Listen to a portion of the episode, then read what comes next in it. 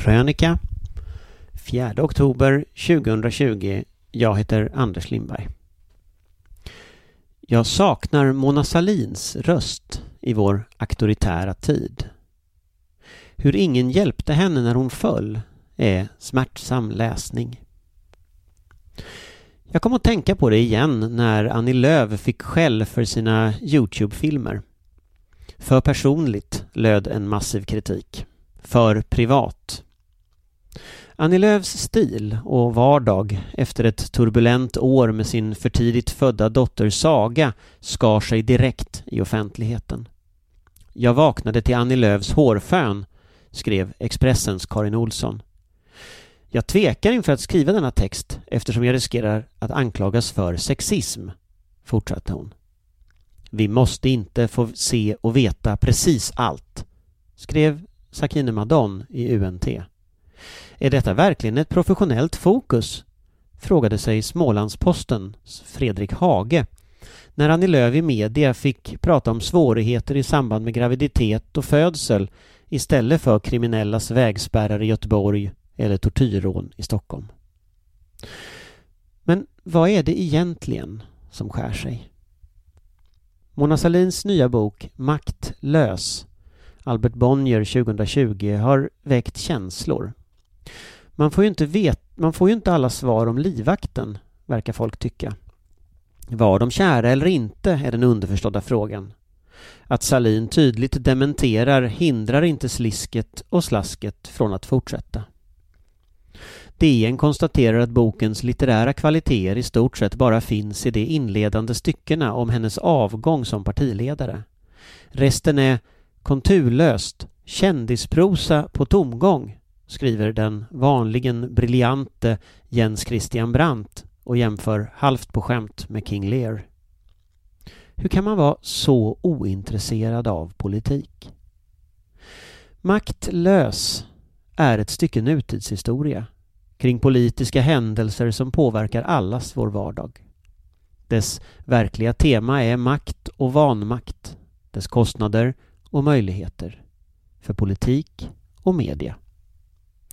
Och Mona Salin kräver det förbjudna. Rätten att vara en hel människa. En hel kvinna. Maktlös är egentligen två böcker. Jag gjorde misstaget att läsa den på papper först. Texten är skriven tillsammans med Henrik Jonsson och känns som Monas ord. Men ändå inte.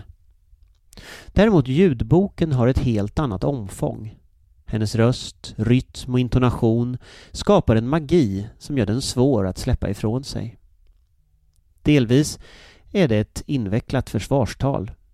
Där har recensenterna rätt. Och texten kunde ha kortats. Mona Salin tycker Expressens granskning av livvaktshistorien är ett gangsterknäck där tidningen lurade henne till en intervju under falska förespeglingar. Även Aftonbladet får en rejäl släng av sleven för vår rapportering. Skandalen blev ett faktum 4 april 2016. Hon hade skrivit intyg om att livvakten tjänade mer än han gjorde. Intyget behövdes för att han skulle köpa en lägenhet. Efter diverse turer erkände hon osant intygande och fick betala böter.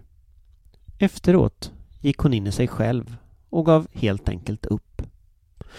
Ensamheten, depressionen och hur hon hur ingen hjälpte henne när hon föll är smärtsam läsning. Mona Sahlin är, som hon själv konstaterar, socialdemokratisk adel. Född till makten i en rörelse som varken kan förlora val, mer än tillfälligt, eller ifrågasätta sig själv. Hon, Anna Lind och Margot Wallström var revoltörerna som i början av 1980-talet krävde att partiet skulle bredda sig till nya frågor, perspektiv och människor. Idag finns i arbetarrörelsen ofta en nostalgiskt skimmer över dåtidens Sverige. Jämlikheten var stor och partiet hade 1,2 miljoner medlemmar. 90-talets nyliberala reformer låg ännu i framtiden och nationella institutioner som skolan, värnplikten och Gunnar Sträng enade folket. Men det var samtidigt ett Sverige med lågt i tak. Reformer som föräldraförsäkringen 1974 och förskolereformen 1975 gav visserligen kvinnor nya nycklar till arbetslivet men någon ekonomisk eller politisk jämställdhet var det inte att tala om. Ungefär samtidigt som Mona Sahlin klev in i riksdagen 1982, gravid med sitt andra barn och med ovanlig frisyr, började resan mot ett helt annat Sverige. Hon kom att bli den ständige pionjären, alltid några år före sin tid, som en politisk isbrytare. Men det var strider som kostade oerhört mycket. Jag minns själv debatterna i Göteborgs arbetarkommun när varannan damernas skulle genomföras 1994. Alltså att hälften på valsedlar och i nämnder skulle vara kvinnor. Med gråt i rösten förklarade en föreningsordförande att männen nu måste flyttas för att några kärringar skulle in. Mona Salin var då partisekreterare. Men hon nöjde sig inte.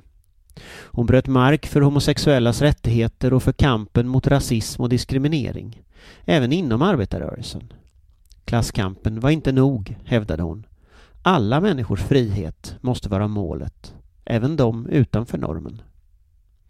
I Maktlös återkommer hon ständigt till att politikens uppgift inte är att följa opinionen, utan att forma den. Att våga ligga före. Högern svarade med Mosa-Mona-kampanjer som ledde tankarna till Palmehatet. Men även inom rörelsen muttrades det. Vad då förnyelse? Varför måste hon prata om bögar hela tiden? När hon slutligen lyckades bli partiordförande efter att vid första försöket snubblat på en Toblerone gjorde hon misstaget att inte följa sin inre kompass. Så lyder hennes egen tolkning. Jag vet inte om hon har rätt. Men under de åren jobbade jag på den socialdemokratiska partistyrelsen. En skylt med texten ”Låt Mona vara Mona” satt uppklistrad på kommunikationsavdelningen. Mona Sahlin gjorde inte allt rätt under sina 40 år i maktens centrum. Politiken blev ibland både krokig och skev. Och hennes politiska karriär slutade, som det så ofta gör, i misslyckande. Men när jag lyssnar på Maktlös slås jag av hur mycket jag har saknat hennes röst. Vilka politiker vågar idag försöka gå före opinionen? Var är vågbrytarna när tidens auktoritära flodvåg rullar över oss? Och vem tar kampen för allas frihet, att vara hela människor, i en tid när feminism, hbtq-rättigheter och antirasism buntas ihop som identitetspolitik eller postmodernism? Att vara kvinna i politiken är något annat än att vara man. Det är en erfarenhet Mona Sahlin har mycket att berätta om för nästa generation. Och som alla skulle behöva lyssna på.